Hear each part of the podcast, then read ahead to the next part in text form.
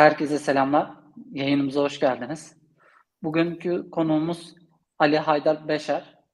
Ali Haydar Hoca ile yakın zamanda Pınar yayınlarından çıkan İzzet Arayışı 28 Şubat sonrasında İslamcılık kitabı üzerine konuşacağız.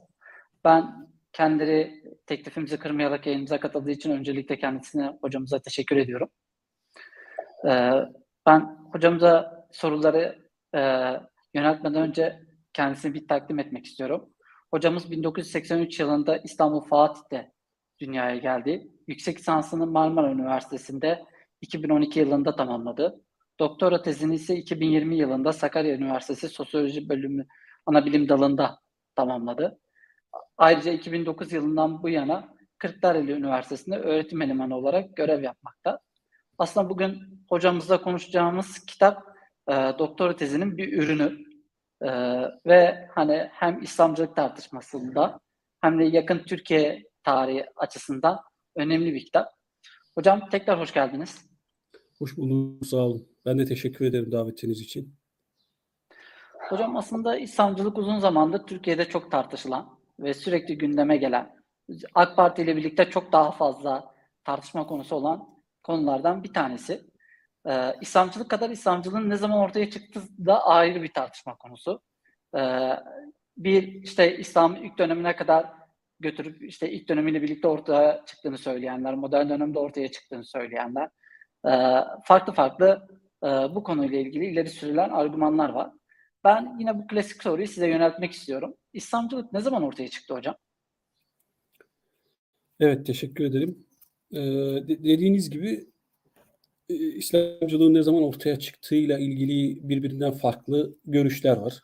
Nereden baktığımıza, neyi esas aldığımıza, hangi özelliği dikkate aldığımıza e, göre bu değişebiliyor. E, ama en temelde e, sizin de belirttiğiniz gibi aslında iki tane, iki şeye ayırabiliriz belki kabaca, en genel hatlarıyla. Yani bunlardan bir tanesi İslamcılığı e, neredeyse Müslümanın olduğu her yere yayan ve her zamana yayan bir e, bakış açısı. Dolayısıyla e, Müslüman olmak zaten İslamcı bir faaliyet içerisinde bulunmak demek e, anlamına gelir böyle bakanlar açısından. E, dolayısıyla tarih olarak da bunu e, belki ta e, Hazreti Peygamber zamanından e, bile başlatanlar var. E, İslam'ın ortaya çıkışıyla İslamcılık da ortaya çıkmıştır gibi bir bakış. Dolayısıyla İslam'la İslamcılığı neredeyse birbirine eşitleyen bir e, bakış açısından bahsedebiliriz. Ama bu e, genel olarak literatürde en azından e, azınlıkta kaldığını söyleyebiliriz bu bakış açısının. Diğer e, genel şey ise İslamcılığın e, modern dönemde ortaya çıktığı veya modernite sonrası diyelim e, veya e, Batı'nın yükselişi e, özellikle İslam dünyasını na yönelik faaliyetleri, sömürgecilik faaliyetleri, e, tahakkümü, e, tasallutu her ne dersek e, dolayısıyla modern dönemlerde ortaya çıktığını söyleyenler var. Dolayısıyla İslamcılığın aslında e, İslam'ın e, belirleyici olmaktan çıktığı hem küresel anlamda hem de daha bölgesel yerlerde e, belirleyici olmaktan çıktığı, daha edilgen hale geldiği belki zamanlarda ortaya çıktığını söyleyenler var. Onların içerisinde de daha spesifik olarak nokta tayinleri konusunda ise e, farklı görüşler var. E, tabii belki bunun bunu konuşurken öncesinde hani nerede ortaya çıktı sorusu da e, beraber konuşmak lazım. E, yani e, işte mesela Tuna'ya Tarık Zafer Tuna'ya üç bölgeden bahseder. Yine Oliver Roy yine üç, üç bölgeden bahseder. E, Şerif Mardin yine işte e, Hindistan'ı, Arabistan'ı e, işaret eder Osmanlı'yı. Kemal Karpat'ın düşünceleri vardır vesaire. Bunların belki ayrıntılarına e, girmeye burada lüzum yok. Ama özellikle Türkiye'de İslamcılık e, açısından baktığımızda bunu yine e, işte yeni Osmanlılarla başlatanlar vardır. E, İttihadı İslam e, fikrinin gelişmesiyle e, başlatanlar e, vardır. İkinci meşrutiyetiyle başlatanlar vardır. 1908 sonrası başlatanlar vardır. Dolayısıyla birbirinden farklı şeyler var. Ama buradaki asıl şey şunu söyleyebiliriz. İslamcılığın İslamcılığı nasıl tanımladığımızla doğrudan irtibatlı bir şey bu ve hangi özelliklerini esas aldığımıza göre değişebilir. Yani diyelim ki İslamcılığın içerisinde şu şu şu özellikler var. Bu şu özellik tarihin şu noktasından başlamıştır, şu şu noktasından başlamıştır diyebiliriz. Ama e, benim kanaatim e, bütünlüklü bir hale geldiği zaman bir e, yapı haline dönüştüğü, e, bütünlüklü bir ideoloji, diğerlerinden ayrıştırabileceğimiz kendi sınırları net olan e, bir hale geldiği zamanı ikinci meşrutiyetle başlatmak gerektiği yönünde. E, çünkü onun öncesinde bir takım özelliklerinden bahsedebilirsek de 19. yüzyılın ortalarına itibaren hatta Tanzimat'tan itibaren yavaş yavaş e, müsavat meseleleri e, var, başka meseleler var. Evet, oralardan nüve halinde başladığını e, söyleyebiliriz ama e, daha sonra İttihadı İslam ile geliştiğini e, ama en nihayetinde ikinci meşrutiyet ile beraber ancak bütünlüklü bir e, e, düşünce, bir ideoloji diğerlerinden ayrıştırılabilir bir e, hale geldiğini söylemek sanırım e, daha doğru olur. Burada da tabii en önemli şey e, ikinci meşrutiyetiyle beraber ortaya çıkan dergiler ve kişiler. E, en başta da tabii Mehmet Akif'i ve Sırat-ı Müstakim Sebilü Reşat'ı zikretmek gerekir. Dolayısıyla bence bütünlüklü anlamda e, bu noktadan başlatmak gerekir ama özellikleri itibariyle her bir özelliğini geriye doğru tabii ki izlerini takip edebiliriz. Hocam şimdi İslamcılıkla özellikle entelektüel boyutta kurulan ilişki genelde İslamcılığı nasıl tanımladığına bağlı olarak gerçekleşiyor ve İslamcılığa hani tepki ya da aleyhte veya lehte ifadeler genelde İslamcılığın e, hani hangi paradigma çerçevesinde tanımladığıyla irtibatlı. E, ve genelde hani bunu siyasal İslam'la biraz daha e, sınırlandıran, daraltan bir tanımdan hareketle İslamcılık eleştirileri e, İslamcılığa eleştiriler getiriliyor. Ya ben şunu sormak istiyorum. İslamcılık ne demek ve hani siyasal İslam'la sınırlı bir şey midir? Evet, tabii İslamcılığın ne olduğu e, sorusu oldukça şey e, zor bir soru esasında e, ve üzerinde saatlerce konuşulsa e, bitmeyecek bir şeye de aynı zamanda e, tekabül ediyor. E, bu e, belki başta şunu diyebiliriz ki e, dört bir tanım yapmak e, oldukça zor. Hani eskilerin tabiriyle ifradını cami ayarını mani bir e, tanım yapmak belki e, çok zor. En azından herkesin üzerinde mutabık kalacağı bir tanım yapmak çok zor. Çünkü e, hangi şeyleri, hangi özellikleri, hangi meseleleri öne çıkarttığınızla ve nereden baktığınızla yani perspektif de burada tabii ki e, devreye girecek. Nereden nereden baktığınızla e, bağlı olarak e, tanımlar da değişebilir. Dolayısıyla tanımdan çok e, belki birazcık daha da e, tarif edebiliriz. Yani e, özelliklerini sıralayabiliriz. Onun üzerinden e, onu anlamaya çalışmak sanırım daha doğru. Yoksa böyle çok e, sistematik her kelimenin hakkı verilmiş e, şekilde bir tanım yapmaya uğraşmak aynı zamanda onu dondurmak anlamına da gelir. Çünkü İslamcılık tanımlarındaki en büyük e, problemlerden biri de kanaatimce bu. E, çünkü nihayetinde İslamcılık tarihsel bir şey. E, beşeri bir faaliyet e, ve ürün. E, dolayısıyla tarihsel. Tarihsel olanın da bir bir noktada veya şöyle diyelim ancak mukayyet bir şekilde etrafını belli çizgiler çizerek e, belirli bir zamana, belirli bir mekana kuşatacak şekilde ancak e, e, tanımını yapabiliriz ve orayı sadece açıklamakla yetinmiş olur. Ama tarihsel olduğu için belli bir e, dinamiz din, dinamiğe sahip olduğu için bir akışa sahip olduğu için e, her zamanın aslında e, İslamcılığını farklı farklı tanımlamalar da yapabiliriz. Yani atıyorum ikinci meşrutiyet İslamcılığını tanımlarken bir tanım yaparken e, işte diyelim ki 1990'lı yılların İslamcılığını tanımlarken farklı bir şekilde tanımla, tanımlamamız gerekir. E, veya en azından o farklılıkları e, gösterebilmemiz e, gerekir. Ve İslamcılık tanımlarında içine düşülen hatalardan biri de e, bence bu. Yani özcü bir şekil, özcü diyebileceğimiz bir şekilde tanımlamak ve ondan sonra o tanımı esas alıp onu dondurduğumuz zaman da ancak o tanıma uyan kişileri daha sonra e, İslamcı kabul etmek meselesi. Bu e, ciddi bir problem. Yani mesela 19. yüzyılın sonlarında İttihadı İslam tartışmalarındaki bir e, e, şeyi esas alırsak e, bunu 20. yüzyılın sonlarındaki kişileri e, bu tanıma uydurmaya çalışmak e, aslında ıskalamak anlamına gelir. Dolayısıyla akışı, gerçekliği e, merkeze alan e, bir tanımlama veya tarif etme, özelliklerini sıralama e, yöntemi e, takip etmeliyiz. E, dolayısıyla tarihsel olduğunu e, hiç gözden kaçırmamalıyız. Yani diğer birçok şey gibi yani. E, ama tanımlara bakacak olursak İslamcılıkla ilgili yapılan tanımlara, tariflere veya özelliklere e, bakacak olursak şöyle bir e, tasnif yapabiliriz zannediyorum. E, birincisi çok çok geniş bir şekilde e, İslamcılığı tanımlayanlar var ki bu e, sorduğunuz birinci sorudaki şeyle de e, ilişkili. Yani ne zaman ortaya çıktığı meselesiyle çünkü tanımla ilişkili demiştik.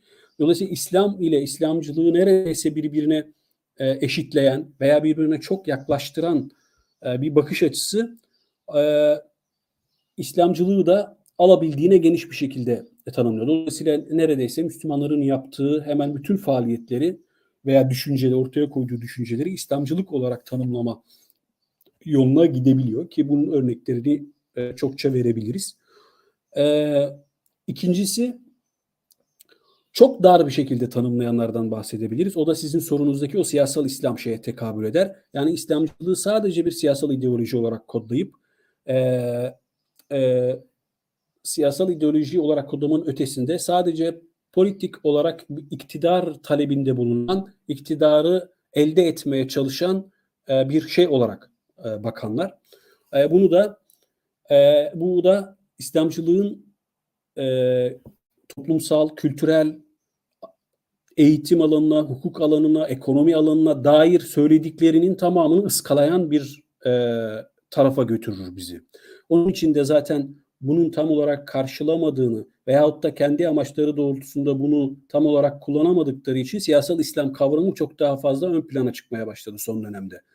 Özellikle İslamcılığı e, e, eleştirenler e, açısından. Onun için e, siyasal İslam'ı daha fazla ön plana çıkartmaya başladılar ama öncesinde aslında İslamcılığı bu şekilde kullanıyorlardı. Buradaki belki şu şeye dikkat etmek lazım.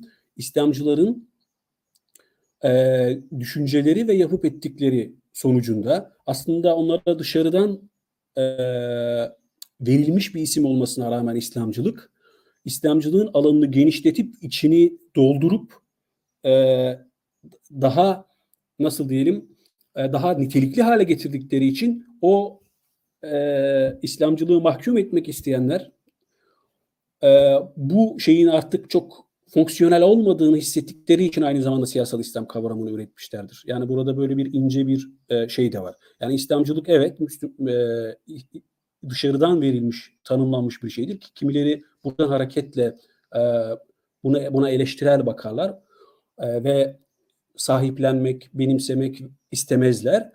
E, ama İslamcılar İslamcı sıfatını kabul etsin veya etmesin e, İslamcılığın içeriğini ona verenlerden daha dolu bir şekilde içeriğini doldurduğu için e, artık onu mahkum etmek, onu bir yere sıkıştırmak e, arzusunda olanlar bu, bu sefer siyasal İslam kavramını türetmek durumunda kaldılar. E, bir de böyle bir boyut var. Dolayısıyla e, bir de çok dar bir şekilde sadece politik iktidarı hedefleyen e, bir akım e, olarak İslamcılığı e, ele alıyor. Benim kanaatim bu ikisinin ortasında bir yerde şeyi tanımlayabilmemiz lazım. Yani e, İslamcılık İslam'la eşitlemek ne kadar yanlışsa sadece bir politik iktidar hedefinde olmakla sınırlandırmak da o kadar yanlıştır. Yani İslamcılığın modern dönemde ortaya çıkan bir şeydir, bir harekettir. Bunun sebepleri e, vardır, tarihsel şartları vardır. Bunlar uzun uzadıya konuşulabilir.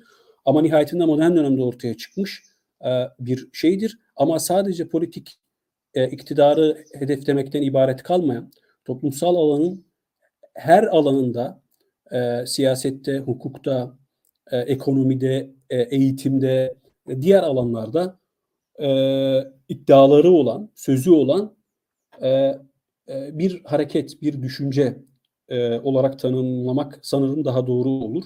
Onun için e, İslamcılığı e, nasıl diyelim e, en en temel belirleyici özelliklerini çok böyle bir bir e, toplayarak e,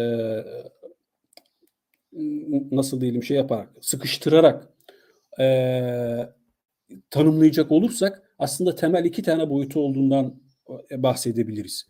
E, birincisi bunların izzet arayışı ki ben İslamcılığı en öz bir biçimde bu şekilde tanımlanabileceğini düşünüyorum.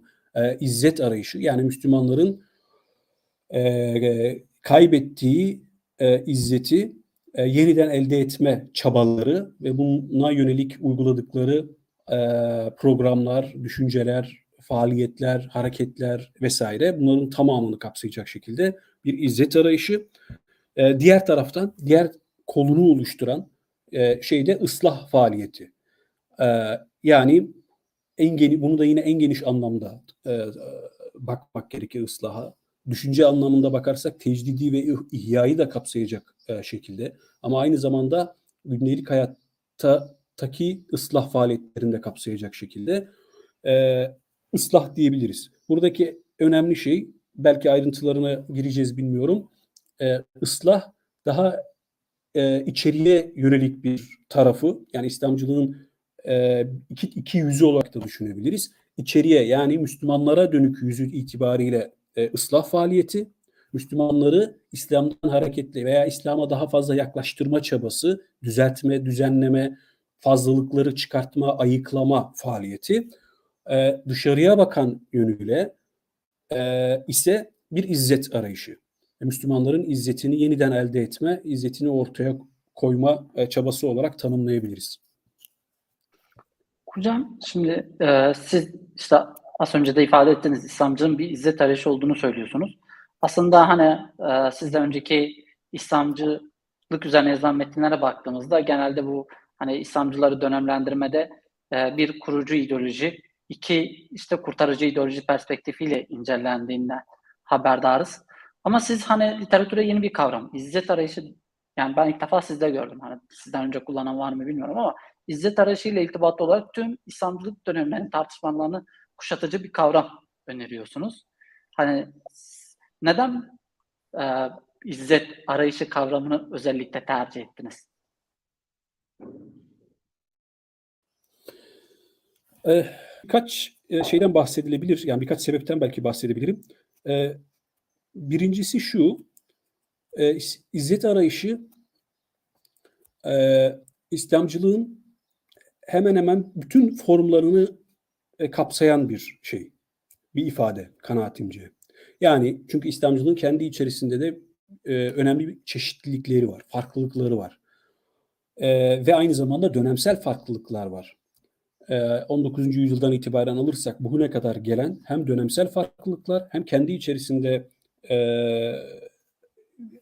çeşitlenme, farklı formlarda, farklı biçimlerde e, olan İslamcılıklardan bahsetmemiz gerekir.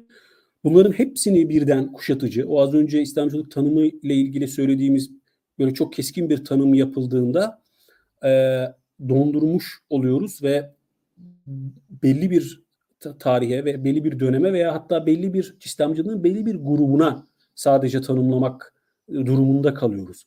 Ama izzet arayışı kanaatimce bütün İslamcılığın bütün formlarını, bütün dönemlerini e, kapsayacak e, bir e, tanımlama imkanı bize veriyor. E, izzet arayışı dediğimiz zaman. Tabii ki bu çok çok genel bir şeyden bahsetmiş oluyoruz. Onun özelliklerinden, onun daha ince ayrımlarına e, kadar bir tarif etmiş olmuyoruz bunu söylemekle.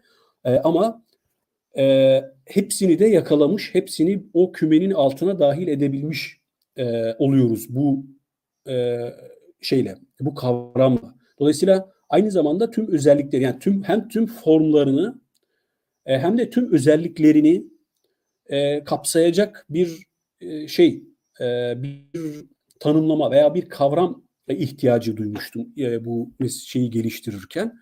E, bunun üzerinde düşünürken tabii ki aklıma bundan başka da farklı kavramlar e, veya farklı tanımlama biçimleri geldi fakat özellikle izzet arayışını tercih edişimin sebebi e, izzet kavramı aynı zamanda e, nasıl diyelim e, Kur'ani bir kavram, e, İslami bir kavram e, ve Müslümanların kendi kendilerini e, ortaya koymaları, sergilemelerini çok daha net bir biçimde e, açıklama gücüne sahip olduğunu düşündüğümden e, e, izzet arayışı e, kavramını e, düşündüm ve onu geliştirmeye, altını doldurmaya e, çalıştım. E, çünkü e, bir taraftan da şöyle, Müslümanların e, tarih boyunca belki Hazreti Peygamber döneminden itibaren modern dönemlere kadar neredeyse birçok coğrafyada e, ve birçok dönemde hep belirleyici pozisyonda olduklarını görüyoruz. E, yani hükmü belirleyici, hükmü koyucu, e, yönetici pozisyonda olduklarını görüyoruz. Hatta azınlıkta ol, oldukları yerlerde bile Müslümanların. E, ama ilk defa modern dönemde e, sömürgecilik faaliyetleri, e, ondan sonraki ulus devlet tecrübeleri vesairene baktığımız zaman Müslümanların e, et, belirleyici, etkin e, olmaktan çıktığını bütün olarak e, çünkü tarihte diyelim ki belli bir Müslüman e, yönetim e, ortadan kalkmışsa bile dünyanın farklı bir bölgesinde devam ediyordu. Yani ama dünyanın her tarafında birden neredeyse Müslümanların belirleyiciliğinin ortadan kalktığı e, belki de ilk dönem.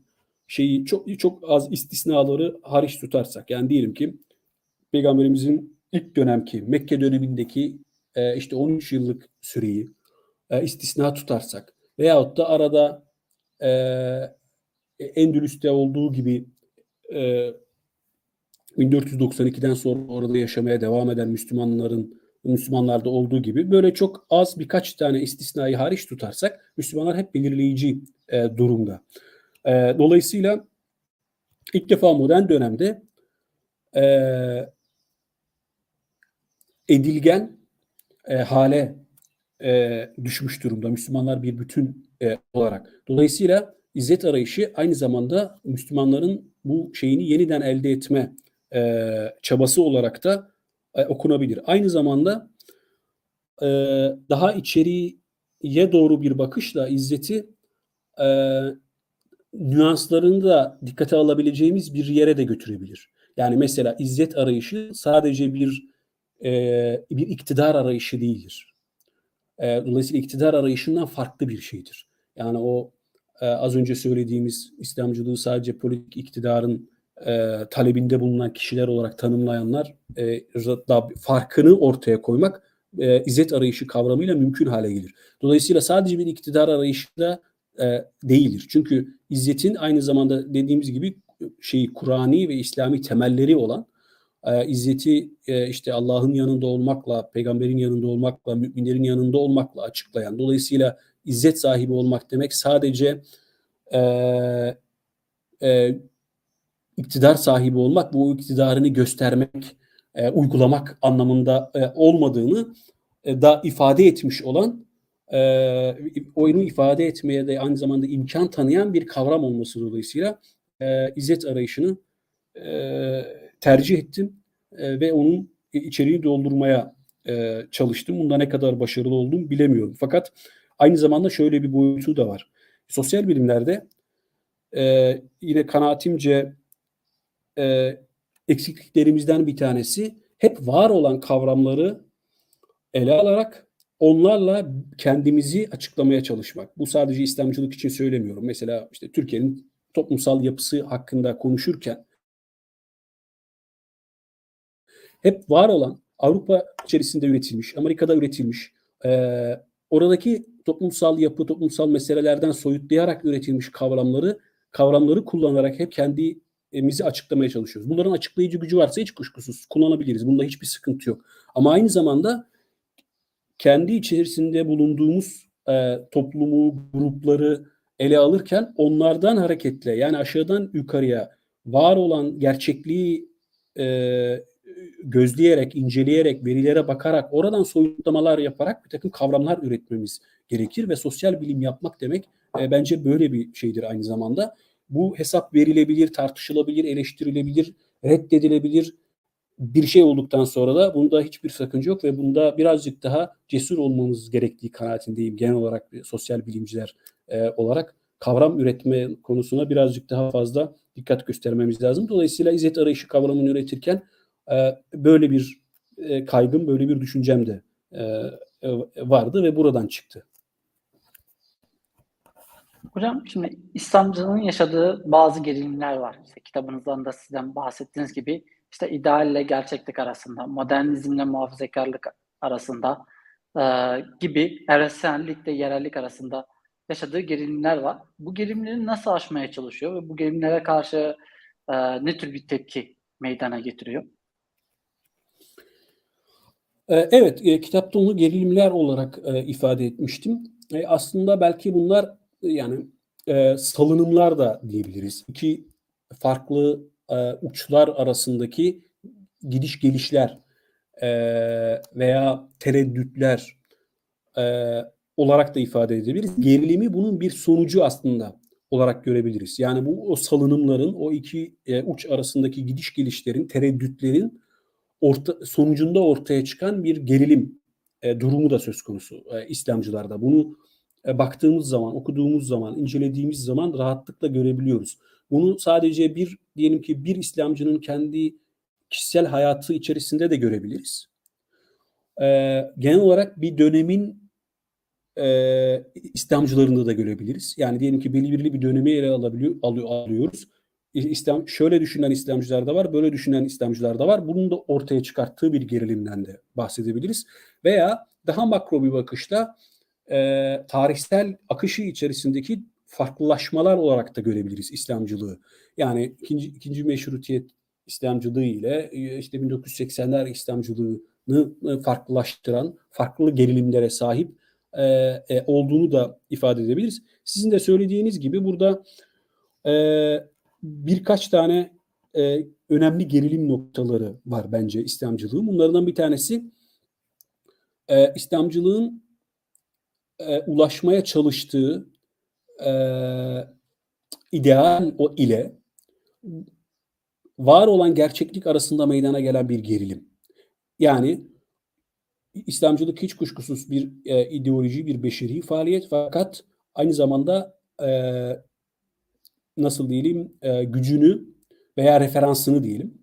Referansını daha çok İslam'a e, yaparak, İslam'ın kaynaklarına yaparak e, hareket eden bir şey. Dolayısıyla İslam'ın e, ana kaynaklarından hareketle, ana kaynaklarına uygun bir hayatı tanzim etme, düzenleme e, çabasında olduğu için o orada duran e, ideal ile sokağa çıktığı zaman karşılaştığı gerçeklik arasındaki oluşan farklılık veya var olan farklılığı giderme çabası onda bir gerilim e, üretiyor. İslamcılıkta bir gerilim e, üretiyor. Zaten İslamcılığı dinamik kılan özelliklerden birisi de aslında bu gerilimdir.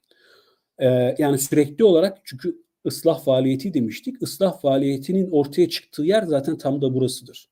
Yani o o e, ideal ile o e, İslam'ın ana referansları, ana kaynaklarından hareketle olmasını istediği şey ile mevcut gerçeklik arasındaki büyük boşluk aslında bu boşluk belki tarih olan tarihteki her zaman var olan bir şeydir. Hiçbir zaman bu boşluk tamamıyla kapanmaz. Ama modern dönemde bu, bu aradaki boşluğun çok daha fazla açılmasından dolayı o boşluğu olabildiğince kapatmaya çalışma e, bir gerilim e, oluşturur ve o gerilim aynı zamanda e, dediğim gibi bir e, dinamizm oluşturur ve ıslah faaliyetlerinin ortaya çıkmasına e, sebep olur. Yani şöyle diyelim gerçekliğe teslim olmamayı sağlayan bir şeydir aynı zamanda. E, var olana, var olan gerçekliğe e, teslim onun teslim olmaktan e, koruyan e, bir şey. Dolayısıyla bu aynı zamanda muhafazakarlıkla e, kendisini farklılaştıran en önemli özelliklerden biri haline gelir bu özelliği. E, bunun tabii ayrıntılarına girebilir, girilebilir. E, yani birçok e, özellikleri söyleyebiliriz ama en genel olarak ideal ile bu gerçeklik arasındaki e, şeyi söyleyebiliriz. Bir bir gerilim noktası olarak. Yine dediğiniz gibi e, modernizm ile muhafazakarlık arasındaki gerilimde e, bir arasındaki gidiş gelişler de bir gerilime sebep olabiliyor İslamcılıkta. Bu da yine dönemsel olarak veya bir kişinin kendi hayatında veya İslamcılığın genel olarak akışındaki e, gerilimler e, olarak bunu okuyabiliriz. Yani diyelim ki şö- şöyle düşünelim İslamcılığı e, tamamen modernist bir hareket olarak yorumlayanlar da vardır. E, tamamen muhafazakar olarak yorumlayan yorumlar da var.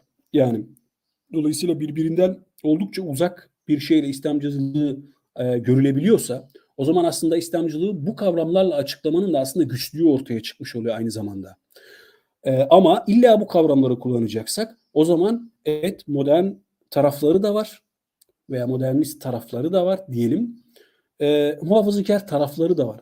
Veya İslamcılığın kendi içerisindeki belli o çeşitlenmede, grup farklı gruplarda eğer böyle bir hat çizersek ve bu kavramları kullanmak zorundaysak illaki modernizm ve muhafazakarlık ile e, bir e, iki uçta olan bir hat olduğunu düşünürsek bu tarafa yakın gruplar, kişiler, dönemler de var olduğunu söyleyebiliriz.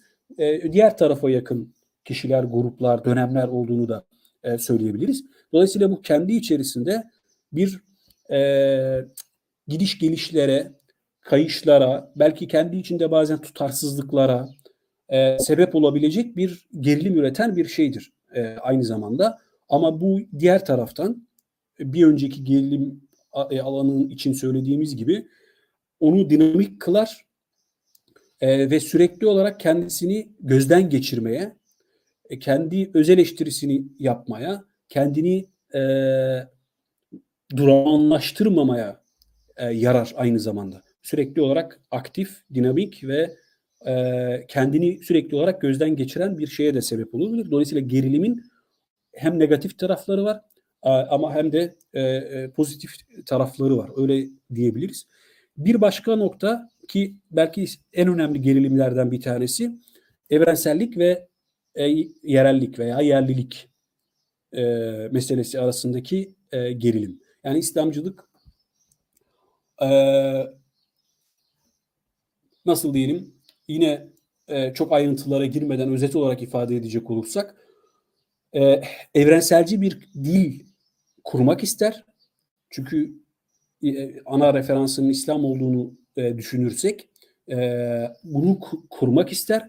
Ama aynı zamanda e, ıslah özelliği dolayısıyla gündelik hayat içerisindeki e, işleri, meseleleri, akışları düzeltmek, düzenlemek, İslam'a referansta o aradaki o boşluğu kapatmak e, gayesindedir. Dolayısıyla bu ikisi arasında bir durum e, yeni bir gerilim üretir. Bu da evrenselcilik ve yerellik veya yerliliğe tekabül eder. Evrenselci bir dil kurum kurdukça bu diğer Müslüman Müslüman coğrafyaların e, diğer kesimleriyle irtibatları kuvvetlendirir. Oralarla yakınlaştırır. Oralarda irtibat kurmasını sağlar e, belki.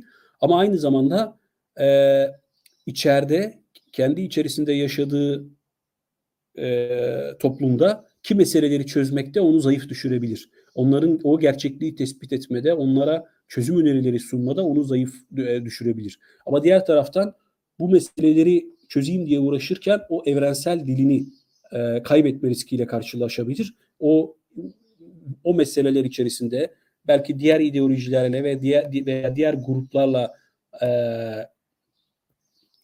çatışmaları, çekişmeleri içerisinde boğulma ihtimali e, ortaya çıkabilir. Dolayısıyla bu evrenselci ve e, yerlici dil e, arasında e, bir gerilim ortaya çıktığını söyleyebiliriz. Yine bunun da dediğim gibi e, negatif ve pozitif tarafları var. Veyahut da yine böyle bir hat çizersek, evren, evrenselci ve yerelci diye bir hat e, çizersek, bu bir tarafa yakın olan İslamcılar olduğu gibi diğer tarafa yakın olan İslamcılardan da bahsedebiliriz. Ama bütünlükte olarak e, kendi arasındaki yürütülen tartışmalar e, İslamcılığı sürekli, sürekli dinamik kılan bir şeye de aynı zamanda e, tekabül eder. Belki burada e, bir e, şeyden daha bahsedebiliriz. Bir sonuçları itibariyle gerilim e, üreten e, bir şeyden. E, İslamcılık aynı zamanda bir e, nasıl diyelim bir e, bir aydın hareketidir düşünce itibariyle baktığımızda. E, aydın da bildiğiniz gibi yani e, gazete ve dergiyle basın şeyiyle matbaa ile falan doğrudan irtibatlı bir şeydir 19. yüzyıldan itibaren e, ve bir ara bir e, şey oluşturmuştur. Yani daha öncesinde ulemadan bahsedebiliriz ve avamdan e, bahsedebiliriz.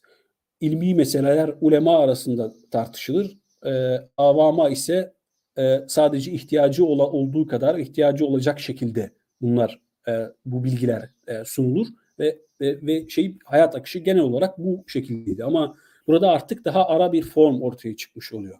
Okuma yazma oranları artıyor, matbaanın matbaa ile beraber e, gazete, dergilerin ortaya çıkması vesaire bir aydın sınıfının ortaya çıkması e, aynı zamanda bu ara formu geliştirmiş oluyor. Dolayısıyla bütün ideolojiler aslında burayla da doğrudan irtibatlıdır bu, bu ara şeyler. Dolayısıyla aydın dediğimiz şey aslında e, klasik anlamda alim olmayan e, ama e, entelektüel kapasitesi olan, okuyan, yazan, çizen e, insanlar e, ve halk üzerinde etki oluşturmaya çalışan, e, halka hitaben yazan, onları örgütlemeye çalışan, e, yönlendirmeye, etkilemeye veya e, bilgilerini arttırmaya e, çalışan bir e, kesimi oluşturuyor. Dolayısıyla İslamcılık veya İslamcılar aynı as, aynı zamanda bu ulema ile avam arasındaki bir e, şeyi aynı zamanda e, oluşturuyor. Bu da bir bir gerilime sebep olabiliyor zaman zaman. Yani diyelim ki bir İslamcı aydının söylediği alim tarafından kendi klasik ilim e, den bakarak onu ciddi bir şekilde eleştirebiliyor. E, halk tarafından aynı şekilde çeşitli şekillerde e, eleştirilebiliyor.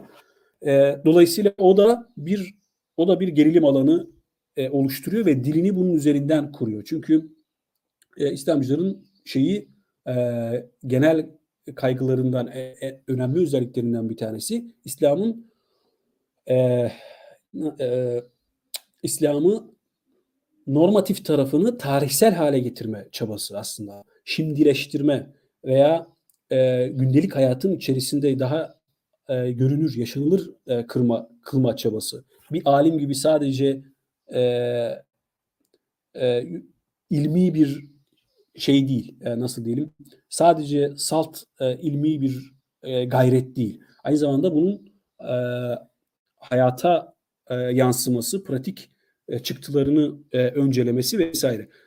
Belki çok fazla ayrıntıya girmeden e, alim ile avam arasındaki bir şey de e, gerilim olduğunu söyleyebiliriz. E, çok çok daha genel olarak belki onunla bitireyim, uzattım. E, çok çok daha genel olarak aslında İslamcılık kendisini de bir e, ara bir dönem olarak kodluyor, kodladığını bile söyleyebiliriz. Yani İslam'ın veya Müslümanların o başta söylediğimiz daha özne pozisyonda olduğu, belirleyici olduğu, etkin olduğu bir dönemden yine etkin, özne, belirleyici olduğu döneme geçiş arasındaki bir e, şey, e, bir dönemi temsil eden e, bir şey olarak da kodlayabiliriz İslamcılığı. Dolayısıyla bu da o arada olma hali de İslamcılığı ve İslamcılara aynı zamanda bir gerilime sebep oluyor. Onun için de belki zaman zaman e, aceleciliğe, e, işte pragmatizme e, veya tut, kendi işinde tutarsızlıklara sebep olabilecek e, şeyleri bu bu arada olma hali, o gerilim e, hali onu ortaya çıkartmış oluyor. Dolayısıyla e, İslamcılığın bu e, bunlar gibi veya bunlardan daha başka da söyleyebileceğimiz bir takım gerilimlere sahip olduğunu, bunun negatif tarafları olduğu gibi pozitif tarafları olduğunu da e, söyleyebiliriz zannediyorum. Hocam şimdi İslamcılıkla ilgili diğer bir tartışma konusu da dönemlendirme mevzusu. İşte Alevi Hareket Hoca e, kurtarıcı bir ideoloji ve kurucu bir ideoloji diye iki döneme ay- ayırırken işte Ali Bulaç buna bir dönem daha ekleyerek e, aşmacı ve dönüştürücü bir dönemden de bahseder. E, ve işte belki İsmail Kara en geniş dönemlendirmeyi yapan e, hocalarımızdan bir tanesi. Siz de bu kitapta bir dönemlendirme yapıyorsunuz. İşte e, temel olarak dört ana döneme ayırıyorsunuz. Devleti kurtarma, devletten uzaklaşma, devleti kurma ve devleti dönüştürme diye. E, bunları da alt dönemlere de ayırıyorsunuz kendi içinde. E, bu İslamcılığın bu dönemlendirme sorunuyla ilgili ne söylemek isterseniz ve bu dönemlendirme yaparken neleri baz alıyorsunuz? Hangi kırılma noktalarını? Evet, yani dönemlendirme de e, bir şeyi e, anlamak açısından e, çok önemli e, gerçekten. Özellikle belki tarih ilminin daha fazla başvurduğu e, bir yöntem. E, olması gereken bir şey. Aynı zamanda ama tabii riskleri de içerisinde barındıran. Çünkü bir takım şeyleri gözden kaçırmamıza sebep olan, e, bizi yanlış e, bir şekilde yönlendirme riski de içinde bulunan ama kaçınılmaz bir şey. Çünkü e, bizim zihnimizin belki çalışma yapısı itibariyle bölerek, parçalayarak anlama anlamak önemli bir yerde duruyor.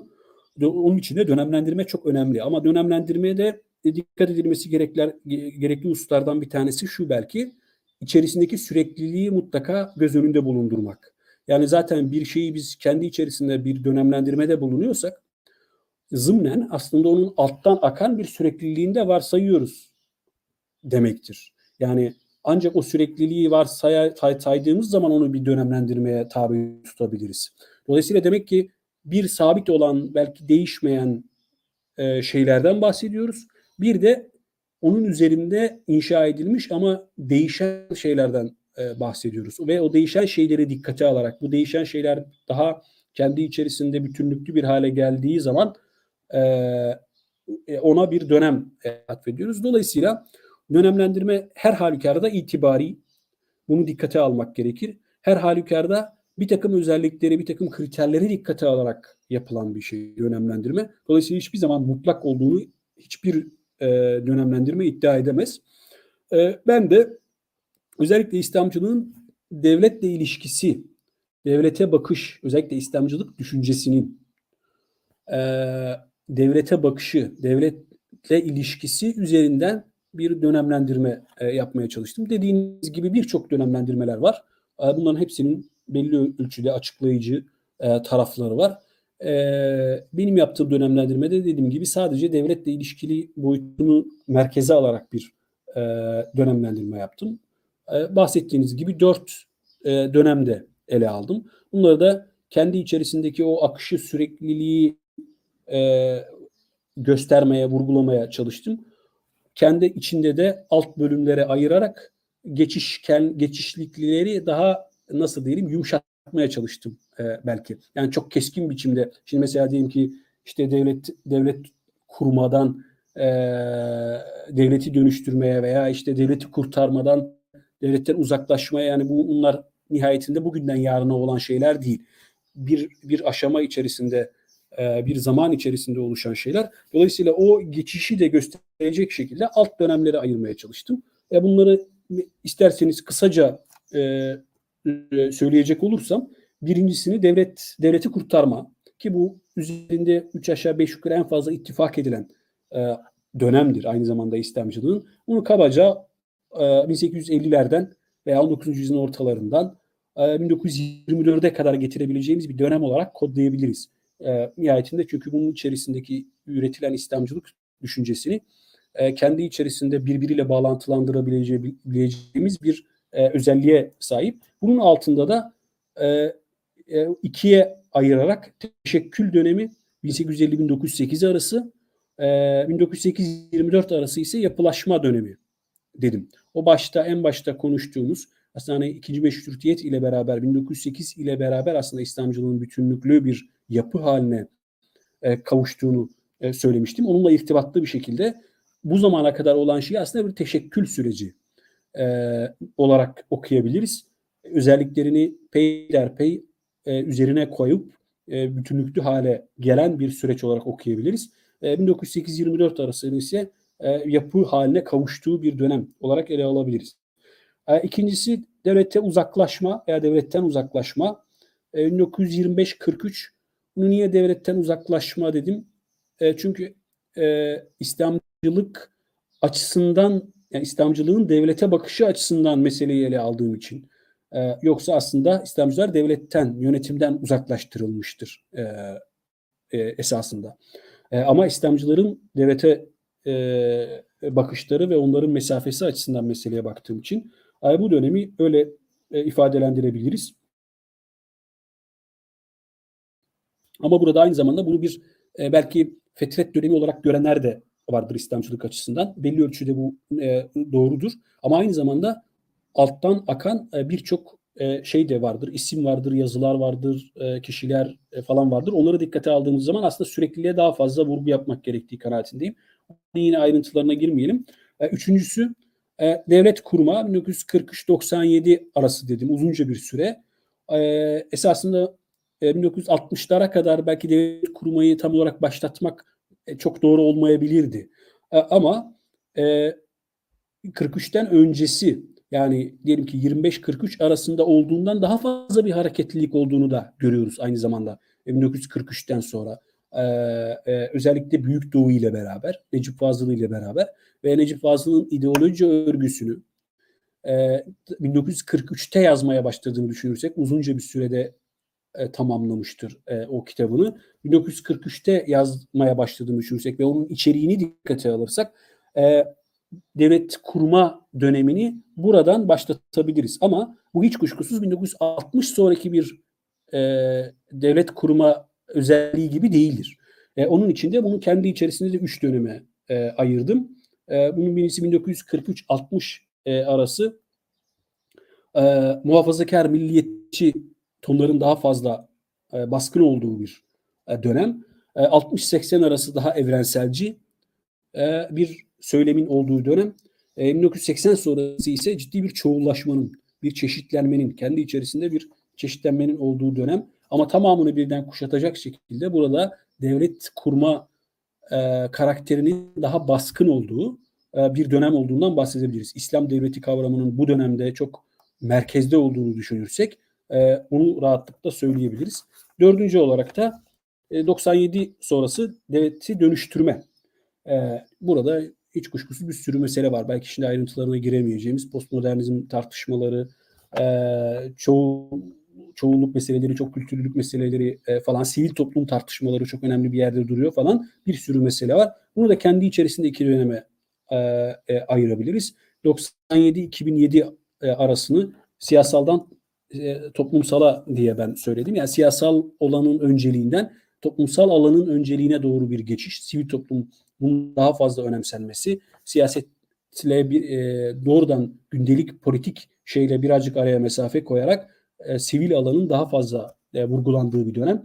E, 2007 sonrası da bir sahiplenmeye doğru giden bir e, süreç e, olarak ben e, dönemlendirmiş oldum. Hiç kuşkusuz bunu kendi içerisinde daha ayrıntılara girerek e, tartışılabilir. Bunlar eleştirilebilir, reddedilebilir. E, başka türlü dönemlendirmeler yapılabilir. Bunların hepsi caizdir. Hocam e, yakın dönemde özellikle AK Parti'nin iktidar olmaya başladığı dönemde e, İslamcı dergilerde yeni İslamcılık tartışmaları var. İşte Yalçın Akdoğan'ın ve Ali Bulaç'ın da başını çektiği bir tartışma var. Bununla birlikte Asaf Bayat'ın işte post İslamcılık tartışmaları var. Hani bu iki tartışmalar arasındaki farklılıklar ne ve klasik gelenekçi İslamcılık arasında ne gibi e, ayrımları söz konusu? Bunları bahsedebilir misiniz? Tabii e, yeni İslamcılık dediğiniz gibi e, özellikle Bilgi ve Düşünce dergisinin e, ortaya attığı ve geliştirdiği, içeriğini doldurmaya çalıştığı bir e, kavramdı yeni İslamcılık. Ve e, 2001 yanlış hatırlamıyorsam Bilgi ve Düşünce'nin ilk çıkışı 2001. E, iki, AK, AK Parti'nin e, iktidara gelişi ise 2002. Kuruluşu 2001, iktidara gelişi 2002. Dolayısıyla e, onunla yakından irtibatlı bir şekilde okumak gerekir bu yeni İslamcılık e, kavramını. Dediğiniz gibi post İslamcılık kavramı da özellikle Asef Bayat'ın e, İran üzerinden başladığı ama daha sonra diğer İslam coğrafyalarında geliş, genelleştirdiği, geliştirdiği bir e, kavram. Aslında içerikleri itibariyle baktığımız zaman oldukça birbirlerine e, yakın görebiliriz bu iki kavramı. E, çünkü ikisi de e, daha çok işte devlet karşısında toplumsal alanı daha fazla önemseyen bir İslamcılık biçiminden e, bahseder. E, yine e, işte laiklikle, demokrasiyle, birincil olarak demokrasiyle ama hatta de, laiklikle de daha uyumlu e, olan, e, belki bir, bir tür ehlileştirilmiş bir İslamcılık e, biçimine gönderme yapar. Post İslamcılık kavramı da. E, yeni İslamcılık kavramının içeriğiyle oldukça birbirine yakınlaşan e, e, tarafları vardır. Aynı zamanda yeni toplumsal hareketler meselesiyle de irtibatlıdır. Yani artık böyle önceki gibi e, çok katı e, ve bütün bir şeyi elde etmeye çalışan bütün bir sistem sistemi eleştiren ve sistemi dönüştürmeye yönelik hareketlerden daha çok artık daha spesifik, daha e, belli meselelerde mesafe kat etmeye çalışan bir, bir yeni toplumsal hareket e, yapısıyla da irtibatta, irtibatlandırabiliriz. E, bu şeyleri. Dolayısıyla yeni İslamcılık e, bilgi ve düşüncenin geliştirmeye çalıştığı bir şeydir. Orada belki dikkat edilmesi gereken bir husus şudur. E, burada işte e, Ali Bulaç, e, Yalçın Akdoğan gibi isimler başı çekiyor. İhsan Eli Açık o dönem bilgi ve düşünce dergisinde. Öne çıkan isimler, yeni İslamcılık kavramını geliştirirken öne çıkan isimler bunlar. Aynı, aynı zamanda AK Parti'nin kuruluş sürecinde ve iktidar olma sürecinde olduğunu dikkate alırsak, e, aynı zamanda muhafazakar demokrasi kavramının da e, ortaya atıldığı, tartışılmaya başlandığı bir dönem. Ve e, biliyoruz ki özellikle Yalçın Akdoğan ismini e, daha merkeze alırsak muhafazakar demokrasi kavramını e, geliştiren, onu e, teorik olarak geliştirmeye çalışan e, en önemli isimlerden biri olduğunu düşünürsek ve Bilgi ve Düşünce dergisinde yazdığı, yeni İslamcılıkla ilgili yazdığı yazıları da dikkate alırsak aslında neredeyse yani şöyle bir şey bir tablo ortaya çıkıyor. Onların niyetinde böyle bir şey var mıydı yok muydu onu bilemiyoruz ama şöyle bir şey ortaya çıkıyor. Türkiye'deki genel kitleye e, bunun İslamcılık olmadığı bir biz kendimizi muhafazakar demokrasi olarak tanımlıyoruz. İslamcı e, biz İslamcı değiliz e, söylemi geliştirilirken İslamcı kitleye ise bu aslında yeni tür bir İslamcılıktır e, denmiş oluyordu. E, e, böyle bir e, böyle bir boyutunu da olduğundan bahsedebiliriz. E, e, post İslamcılık da dediğim gibi Asef Bayat'ın daha çok geliştirdiği bir şey ama e, içerikleri her ne kadar birbirine yakınlaşsa da e, istikametleri açısından yani kavramı kurgulamaları ve istikametleri açısından tabii birbirinden farklılaşıyor. Yani zaten kavramın kendisi bize bunu söylüyor. Post İslamcılık bir tür artık daha ehlileştirilmiş bir İslamcılık. E, daha e, batıyla uyumlu, demokrasiyle uyumlu, problem çıkartmayacak bir e, İslamcılık biçimini daha fazla vurgulamış olurken yeni İslamcılık aslında İslamcılığın e, dolu dolu yolunda devam ettiği, sadece bir yöntemsel değişikliğe gittiği, araçlarını değiştirdiği vesaireye daha fazla vurgu yapmış oluyor. Ama aslında o üstündeki e, nasıl diyelim pazarlama şeylerini tabiri caizse e, kenara çekersek altına indiğimiz zaman aslında üç aşağı beş yukarı birbirine çok yakın e, şeyler söylüyordu bu kavramlar. E, e, ama ondan sonra daha ileriki zamanlarda bu e, özellikle yeni İslamcılık şeyi e, neredeyse tamamen ortadan kalktı diyebiliriz. Orada birkaç yıl bir e, tartışma alanı e, oluşturdu. Farklı dergilerde farklı kişiler tarafından tartışıldı, eleştirildi, savunuldu vesaire. E, ama daha sonraki 2005, 2006, özellikle 2007'lerden sonra artık yeni İslamcılık kavramı da e, ortadan kalktı. Post İslamcılık ise daha daha dışarıdan bir kavram olarak belki hayatına devam etti, ediyor daha çok İslam dünyasının diğer taraflarını tanımlamak için daha açıklayıcı e, olan ama Türkiye içinde kullananların var olduğu e, bir kavram olarak yoluna e, devam ediyor diyebiliriz. Hocam şimdi az önce dediniz ki işte yeni İslamcılık ve muhafazakar demokrasi Yalçın Akdoğan üzerinde aşağı yukarı aynı anlamlara gelecek şekilde kullanıldığını ya da aynı anlamları ihtiva ettiğini e, söyleyebiliriz. Sadece işte hani farklı kesimlere farklı mesajlar vermek üzere farklı isimler kullanılma ihtiyacı hissedildi ve buradan hareketle aslında AK Parti'nin sürekli İslamcı bir parti olduğu e, ve İslamcılık tartışmaları genelde de AK Parti üzerine yapıldı. Ama İslamcıların da işte AK Parti İslamcı değil çok farklı farklı dönemlere ayrılıp işte liberal, milliyetçi dönemlerinde olduğu İslamcı Parti olarak ele alınamayacağını dile getiriyorsunuz. Ama siz de kitapta belirttiğiniz gibi en temelde İslamcılık tartışmaları AK Parti'den bağımsız bir şekilde ele alınamaz.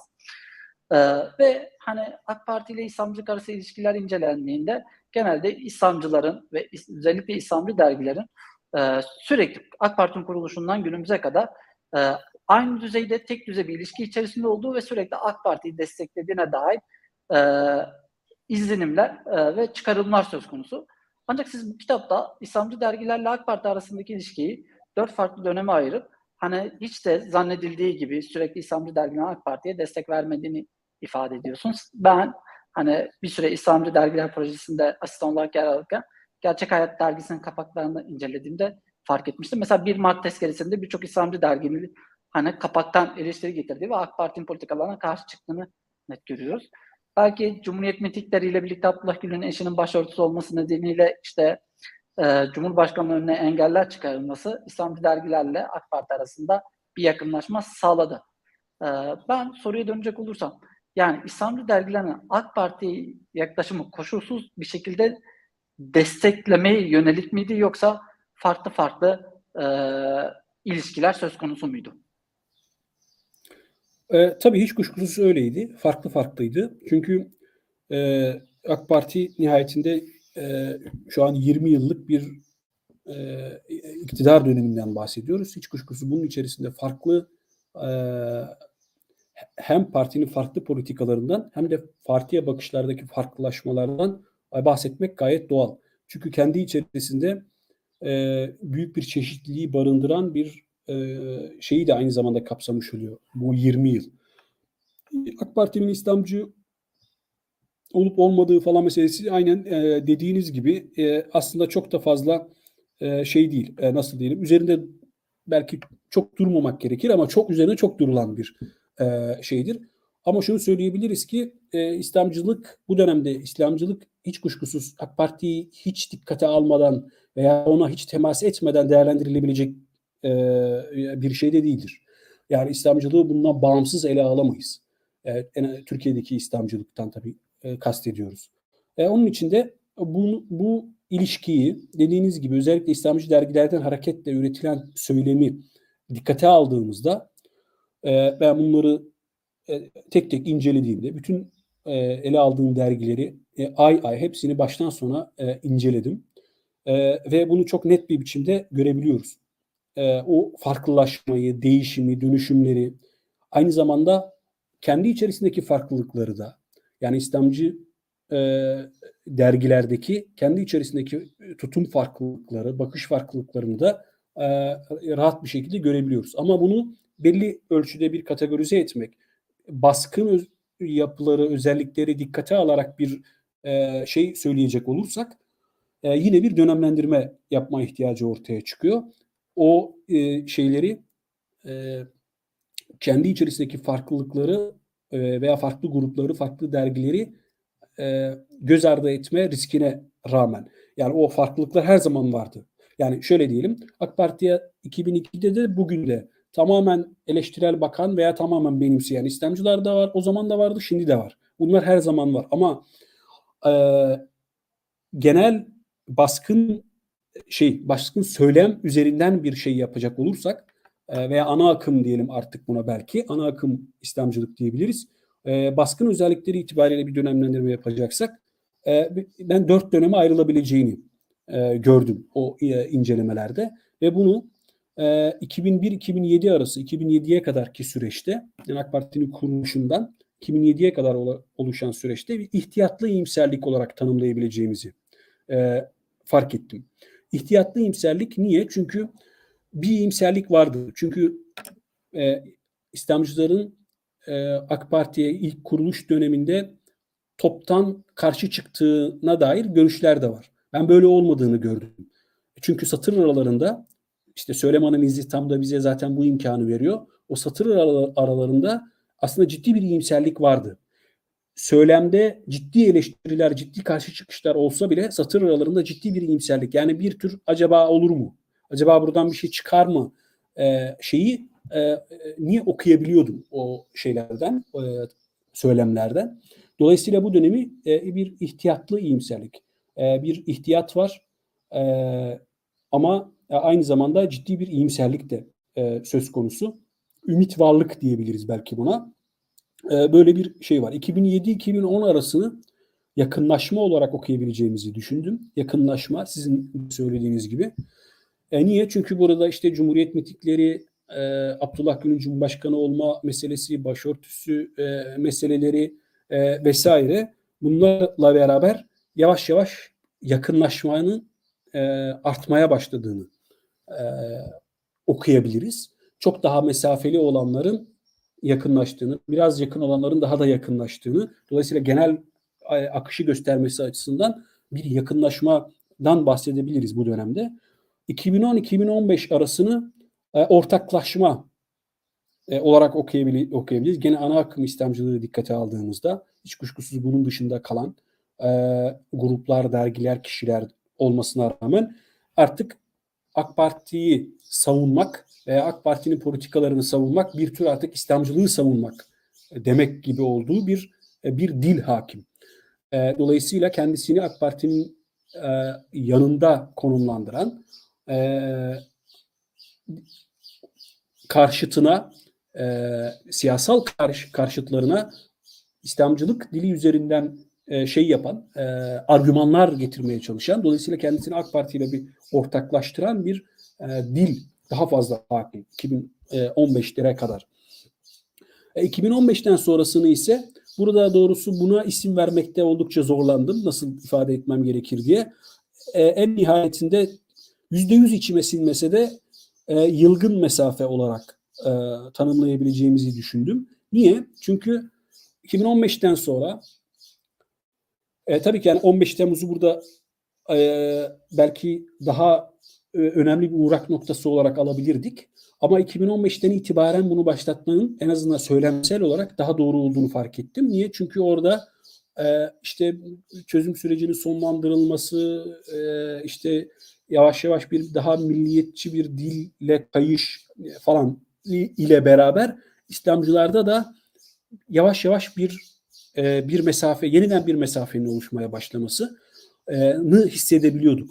E, tabii ki 15 Temmuz'da e, İslamcılar büyük ölçüde e, ciddi bir şekilde bu e, şeyde e, örgütlendiler, e, sokaklar sokaklarda oldular, e, karşıt durdular vesaire. Burada bir bütünlükten bahsedebiliriz. Dolayısıyla o ortaklaşmayı belli ölçüde burada devam ettirebiliriz. Ama sadece yani söylemsel düzlemde bakıldığında e, 2015'lerden başlatabileceğimiz 15 Temmuz'dan sonra ortaya çıkan yeni politik ve yeni ittifaklara e, ve politik dile e, dikkate aldığımız zaman bu mesafenin giderek arttığı bir e, dönem e, olduğunu söyleyebiliriz. Niye yılgın? E, çünkü e, o 2010-2015 arasındaki ortaklaşma, o izzet arayışıyla da irtibatlandırırsak belki İslamcıların Türkiye'de tarihte olmadığı kadar fazla e, ümitlendiği, tabiri caizse izzet ışığını ufukta gördüğü e, bir dönemi e, yaşamıştı.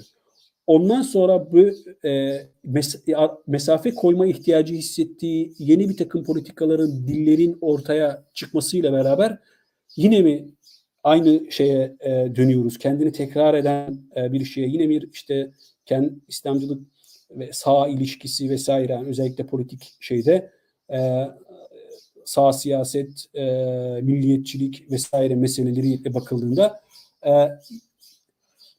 dönüp dolaşıp yine aynı yere doğru mu gidiyoruz şeyi. Burada tabii ki laiklik meselesi, kemalizm meseleleri falan bir çok şey için, içine dahil edebiliriz. Bunların da oluşturduğu şeyle beraber e, burada bir yılgınlık e, şeyi de gözlemledim. E, satır aralarından bunu okudum. Onun için de yılgın mesafe olarak e, tanımladım 2015 e, sonrasını. E, ama bu nihayetinde halen daha içerisinde yaşadığımız e, bir süreç olması dolayısıyla e, oldukça da zor. Burada tamamını ihata edecek şekilde bir kavramsallaştırma yapmak oldukça zor. Bunu belki çok erken ve bir cahil cesareti olarak e, e düşünebiliriz bu şeyi en azından yılgın mesafe kavramını. Ama bunun ne kadar doğru olup olmadığını, ne kadar gerçekliği açıklayıp açıklamadığını belki daha ileriki zamanlarda e, daha fazla ortaya çıkmış olacak. E, onun için de bu dönemede yılgın mesafe dedim ve AK Parti ile İslamcılık e, ilişkisini daha doğrusu sizin e, daha doğru bir şekilde ifade ettiğiniz gibi İslamcı dergilerdeki e, söylem AK Parti'ye yönelik söylemde söylemi en azından e, dört dönemde ele alabileceğimizi düşünerek e, böyle bir tasdik, böyle bir dönemlendirme yaptım. Hocam yine İslamcılık ve AK Parti ile arasında olan ilişkiden bağlantı olarak şunu sormak istiyorum. 2012 yılında İslamcılık öldü tartışması yapılmıştı ve bunun bu tartışmanın en temel argümanı işte İslamcılığı siyasal İslam'la eşitleyip ve nihai hedeflerini iktidarı elde etmek olduğu dile getirerek işte AK Parti bunu gerçekleştirdi ve bundan sonra hani çok söyleyecek sözleri kalmadı mealinde dönen bir tartışma oldu. Aslında bu tartışmanın e, aynı bağlamda bir benzeri günümüzde de oluyor. Yani işte İslamcılar özellikle e, Kemalizme getirdiği eleştirileri e, son dönemde AK Parti ile birlikte kendileri e, gerçekleştirmeye başladılar ve aslında eleştirilerini de çok gerçekçi olmadıkları, iddiaları çok sahi bir e, dayanan olmadığı, bu anlamda hani tırnak içinde söylüyorum, e, söylemlerinin kof çıktığı, iddialarının kof çıktığına dair e, bir söylem gel geliştiriliyor İslamcılığa karşı ve yine hani İslamcılığın ölmesinden ziyade aslında çok da büyük vaatlerinin olmadığı, hani sadece söylemlerden ibaret bir vaatlerin olduğu dile getiriliyor. Siz bu tartışmalara katılıyor musunuz? Ee, evet dediğiniz gibi bu e, son yıllarda özellikle çokça tartışılan bir şey. Yani bunu da yine bir belki e, kendi içerisinde kategorize ederek, tasnif ederek belki bakılabilir. Yani bunlardan bir tanesi e, sizin 2012'de olduğu gibi halen daha söylemeye devam edilen İslamcılık öldü e, meselesi var. E, bunu savunanlar var ve bunu buna yönelik argümanlar geliştirenler var. E, bir başkası İslamcılık e, muhafazakarlaştı. E, milliyetçiliğin daha fazla hakim olduğu, devletçileşmenin, devletin daha fazla e, merkezde yer aldığı bir dile doğru e, kaydığını söyleyenler var. E, İslamcılığın e, daha otoriter bir yöne doğru savrulduğunu, e, özgürlük söyleminden uzaklaştığını, e, işte bireyin bireyi ön plana çıkartan, bireysel hakları, özgürlükleri öne çıkartan bir e, dilden daha otoriter ve e, işte devleti merkeze alan bir yöne doğru gittiğini e, söyleyenler var. Daha büyük şeyde e, İslamcıların aslında e, sisteme sistemden kasıt burada daha çok bir e, kapitalist e, şey sistem, e, ekonomik sistem. E, kapitalist sisteme entegre olduğu ve onun içerisinde eridiği e, ni söyleyenler var vesaire. Birçok buna benzer e, şeyler var. Ama e, sanırım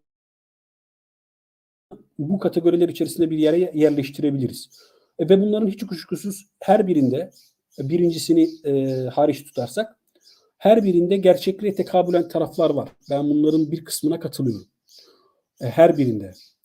E, fakat bunu ben kendi e, kavramsallaştırmam üzerinden şöyle ifade etmenin daha doğru olacağını e, düşünüyorum. Çünkü her biri aynı zamanda belli şeyleri dikkate alan, yani belli bir perspektifle meseleye bakan. Diyelim ki bir tanesi daha liberal bir perspektiften bakarken, bir diğeri daha sol bir perspektiften bakıyor. Dolayısıyla dikkate aldığı kriterler, özellikler e, değişiyor e, ve onun neticesinde bir kanaate varıyor.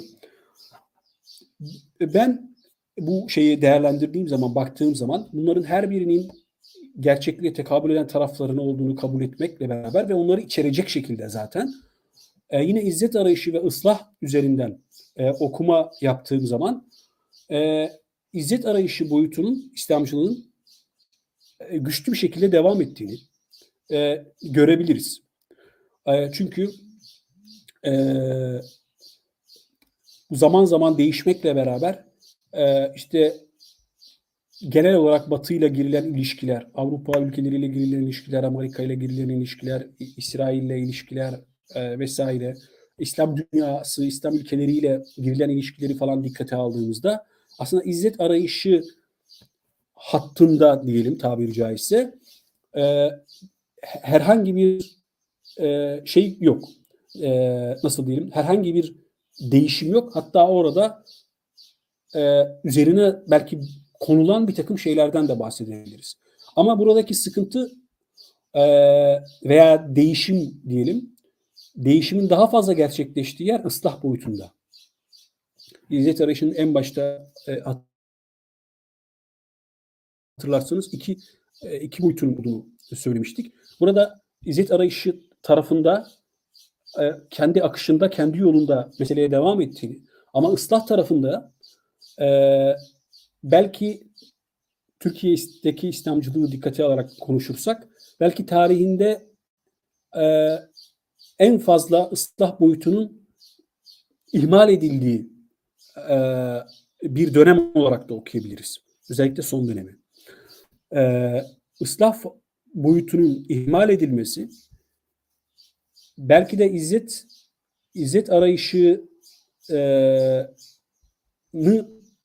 izzet arayışının daha fazla baskın gelmesi dolayısıyla ıslah tarafının ihmal edilmesi, rafa kaldırılması, İslamcılığı o tabiri caizse iki kanatlı e, uçan bir şeyden bir bir tek tek kanadını e, a, şey e, problemli hale e, getirmiş oluyor. Dolayısıyla bütünlükte olarak İslamcılığın akışına baktığımızda e, bir aksama, bir tabiri caizse bir topallama e, ortaya çıktığını e, söyleyebiliriz. En azından ben meseleyi e, bu, bu açıdan e, bakıyorum. E, çünkü ıslah faaliyeti aynı zamanda, çünkü ıslah demek aynı zamanda mevcut durumdan e, hoşnutsuzluk e, anlamı da çıkar. Yani mevcut durumu kendi e, idealleriniz, kendi e, doğrularınız açısından e, memnun olmadığınız bir yerde görmüş oluyorsunuz. Mevcut toplumsal hem toplumsal hem kültürel hem siyasal e, anlamda e, var olan gerçekliği, mevcut gerçekliği bir değiştirme iradesi ortaya çıkartır e, ıslah faaliyeti. Bu aynı zamanda eleştirel bir dili de içerisinde barındırır. Çünkü on, onun değiştirilmesi gerektiğini düşünüyorsanız var olana eleştirel bir dille yaklaşabilmeniz e, gerekir. E, o o e, ıslah bunu da kapsar aynı zamanda. Dolayısıyla bu boyutta e, bir tür e, şey bir durağanlaşma veya bir geri çekilme e, olduğunu söyleyebiliriz. Ama diğer boyutuyla izzet arayışı boyutuyla e, İslamcılığın e, e, yo, yo, nasıl diyelim yoluna devam ettiğini e, okuyabiliriz. E, son dönem itibariyle son dönemi dikkate alarak söylersek. Ben meseleye böyle e, bakmaya en azından bu kavramlar üzerinden bakmanın e, daha doğru olacağını düşünüyorum. Diğer açıklama biçimlerini e, tamamen bir kenara bırakmadan ve onları da içerecek e, şekilde. Hocam benim soracağım sorular bu kadar. Siz son olarak ne söylemek istersiniz? E, teşekkür ederim beni davet ettiğiniz için. Bu e, kitap başta söylediğiniz gibi bir e, şey e, doktora tezinin aslında kitaplaşmış hali çok ufak e, değişikliklerle e, inşallah bir şeyi bir açıklayıcı gücü vardır. Bir katkı sunar tartışmalara bu tartışmalara bir katkı, sunar diye ümit ediyorum. Bu meselelerin biraz daha fazla belki tartışılması, kavramların tartışılması, meselelerin tartışılması gerektiğini düşünüyorum. Özellikle ihmal edildiğini düşündüğüm o ıslah boyutunu, e, o biraz daha e, mevcut gerçekliği birazcık daha mesafeyle kavrayan ve birazcık daha eleştirel bakarak e, yeni yeni diller geliştirilmesi e, gerektiğini düşünüyorum. O o şeye inşallah bu çalışma da e, bir katkı sunmuş olur diye ümit ediyorum. E, bunu e, beni çağırıp bu kitabı konuşma e, imkanı verdiğiniz için de tekrar e, teşekkür ediyorum. Hocam ben bizi kırmayıp yayına katıldığınız için teşekkür ediyorum. Hem de İslamcılık tartışmalarına yeni bir kavram kazandırarak bu tartışmanın belki farklı yönlere evrilmesine ne büyük katkı yapacağınızı düşündüğüm bir inisiyatif kavram üzerine yeni tartışmalar meydana gelir diye ümit ediyorum. Ee, Bugün e, Ali Haydar Beşer hocamızla Pınar yayınlarından çıkan İzzet Arayışı 28 Şubat sonrasında İslamcılık isimli kitabı üzerine konuştuk. Sonraki yayınlarda görüşmek üzere. Hoşçakalın.